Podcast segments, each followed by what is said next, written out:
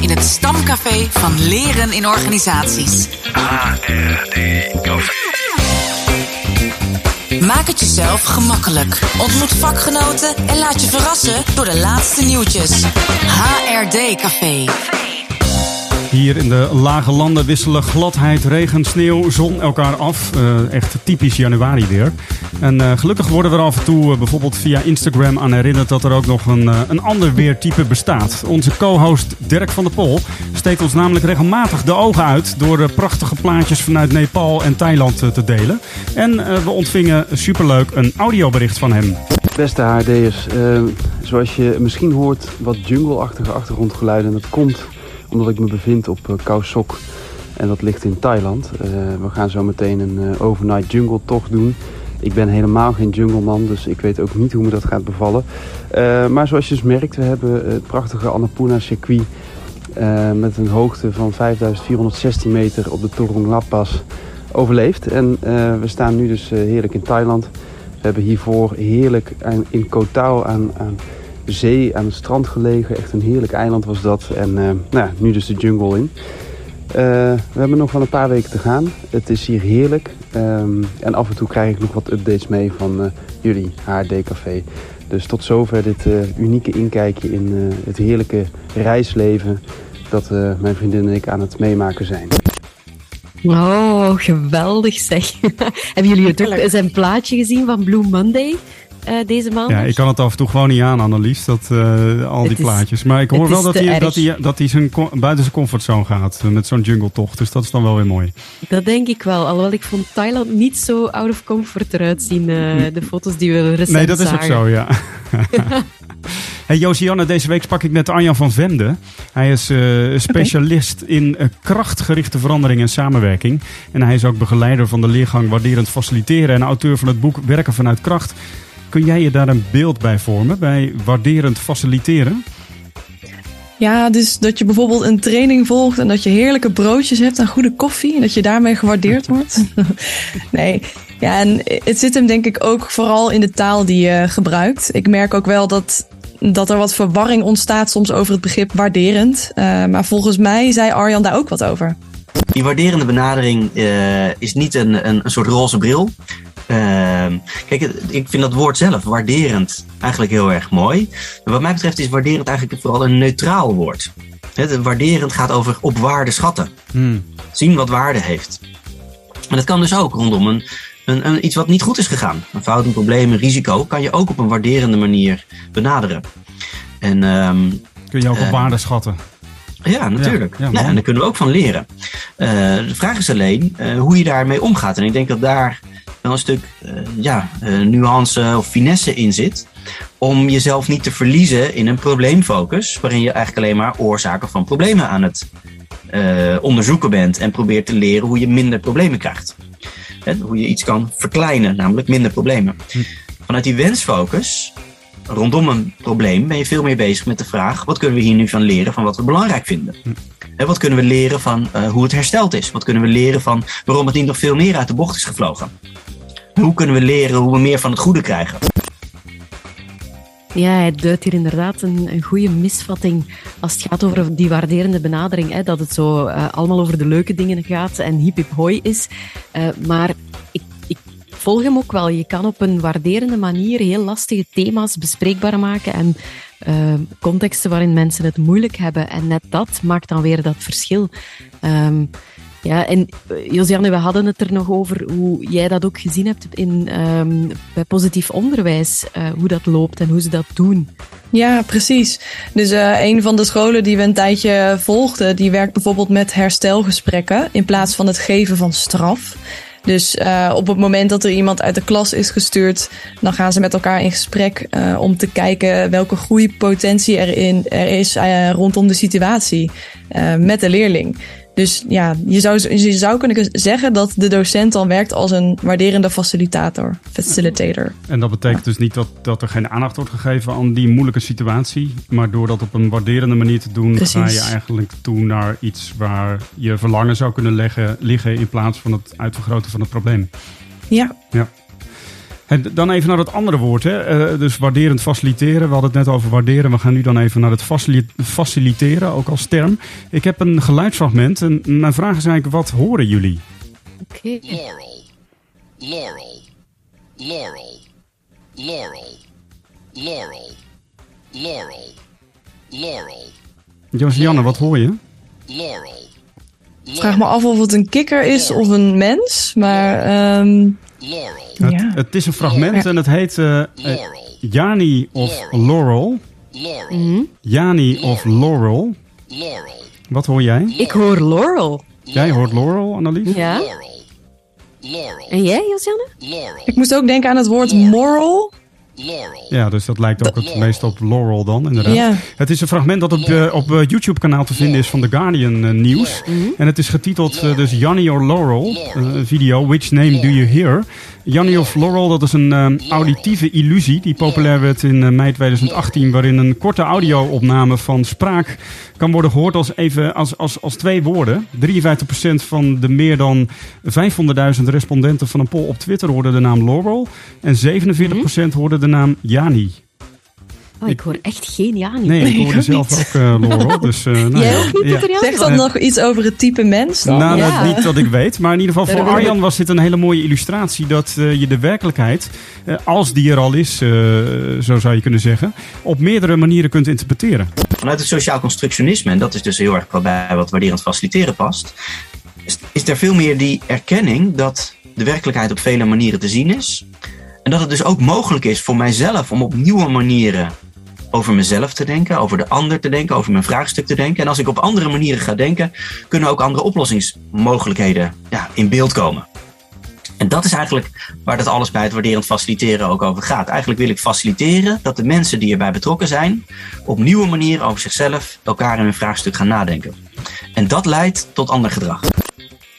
Maar ik vind het een eh, mooie uitwerking van dat begrip faciliteren. Hè. Zo de ander helpen om op een andere manier naar jezelf, de ander of wat dan ook te kijken en dan weer nieuwe dingen kunnen zien. Ja, ja. Mike? Ja, vanuit, ik vind ook wel een hele mooie vanuit onderwijskundig perspectief. Dat je dan ook de individu als vertrekpunt neemt. eh, en dan eh, ja, op basis daarvan het leren in gang gaat brengen. Ja, je zou kunnen zeggen dat, dat misschien een leerkracht ook wel meer een facilitator wordt hè, vanuit dit eh, proces. Eh, alhoewel Ja. dat natuurlijk ook altijd weer om een beetje gevoelig ligt. Maar dat, dat, je de ander, dat je de ander helpt om vooral zelf de kennis te ontwikkelen. En zich te verdiepen in het perspectief van de ander. Eh, Ja. nou, dat is dus waar ehm Arjan van Vende zich mee bezighoudt in de, in, de, in de leergangen waarderend faciliteren.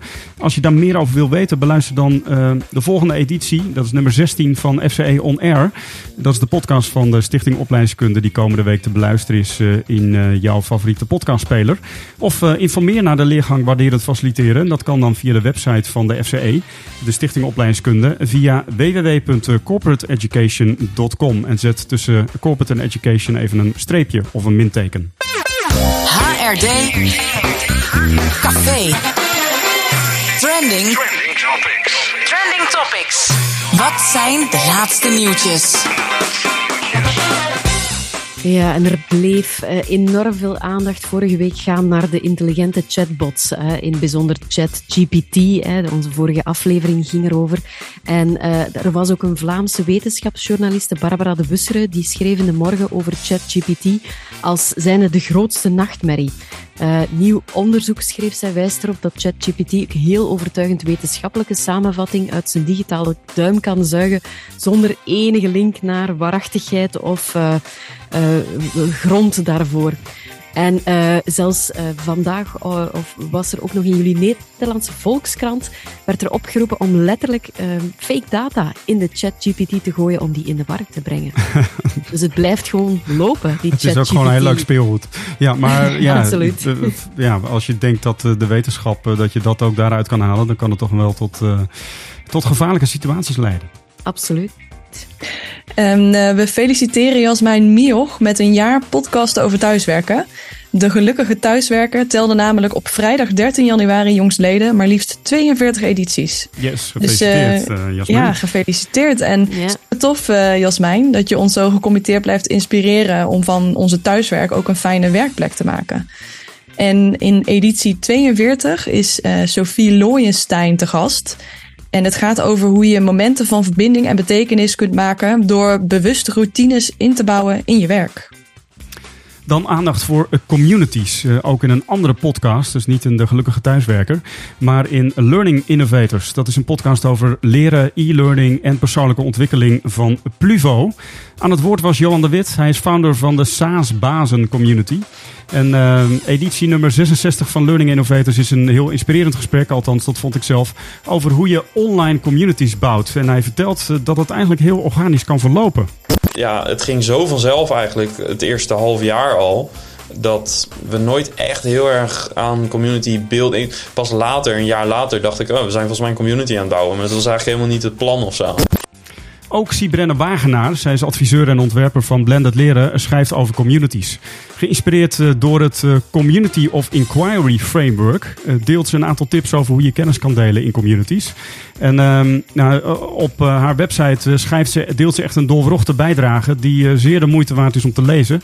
En natuurlijk ook met een aantal praktische tips. Bijvoorbeeld laat deelnemers eens een samenvatting, bijvoorbeeld in de vorm van een korte video, een animatie of een podcast van vijf minuten maken van een gevoerde discussie. Uh, maar uh, door alleen deze tip te delen doe ik haar echt tekort. Ik zou zeggen, check de blog van Sibrenne op ennuonline.com. Ja, en uh, nog een uh, trending topic uit LinkedIn. Uh, met heel veel interesse las ik deze week een post van Mark Mortisons. hij is INSEAD professor en hij deelde het artikel over een experiment van drie leiderschapsexperts.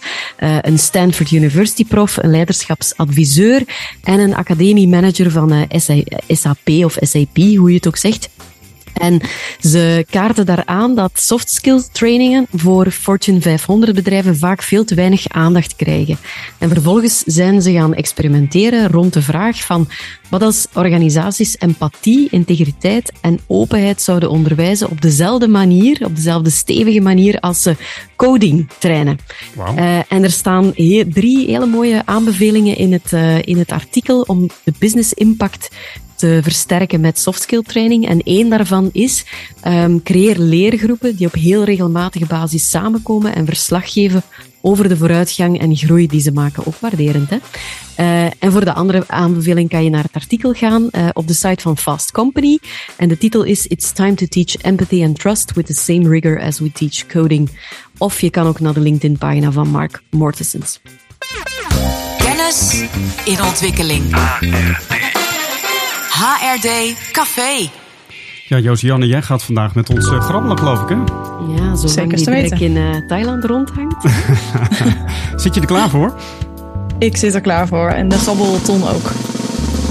Nou, ben heel benieuwd uh, wat er deze keer uitkomt. Yes, we hebben hier nummertje 17. Nummertje 17, kijk Nummer 17. En dat, uh, de quote luidt: Collectieve intelligentie kan niet geclaimd worden door één partij. Het kan alleen ontstaan in de verbinding tussen partijen, in het tussengebied, de tussenruimte. Er is zowel een ik als een wij, zou je kunnen zeggen. En daarmee raakt het thema aan het oerdilemma in elke relatie. Wat is jouw ruimte? Wat lever ik in van mijn ruimte ten dienste van de relatie? En wat is jouw ruimte? En wat lever jij in?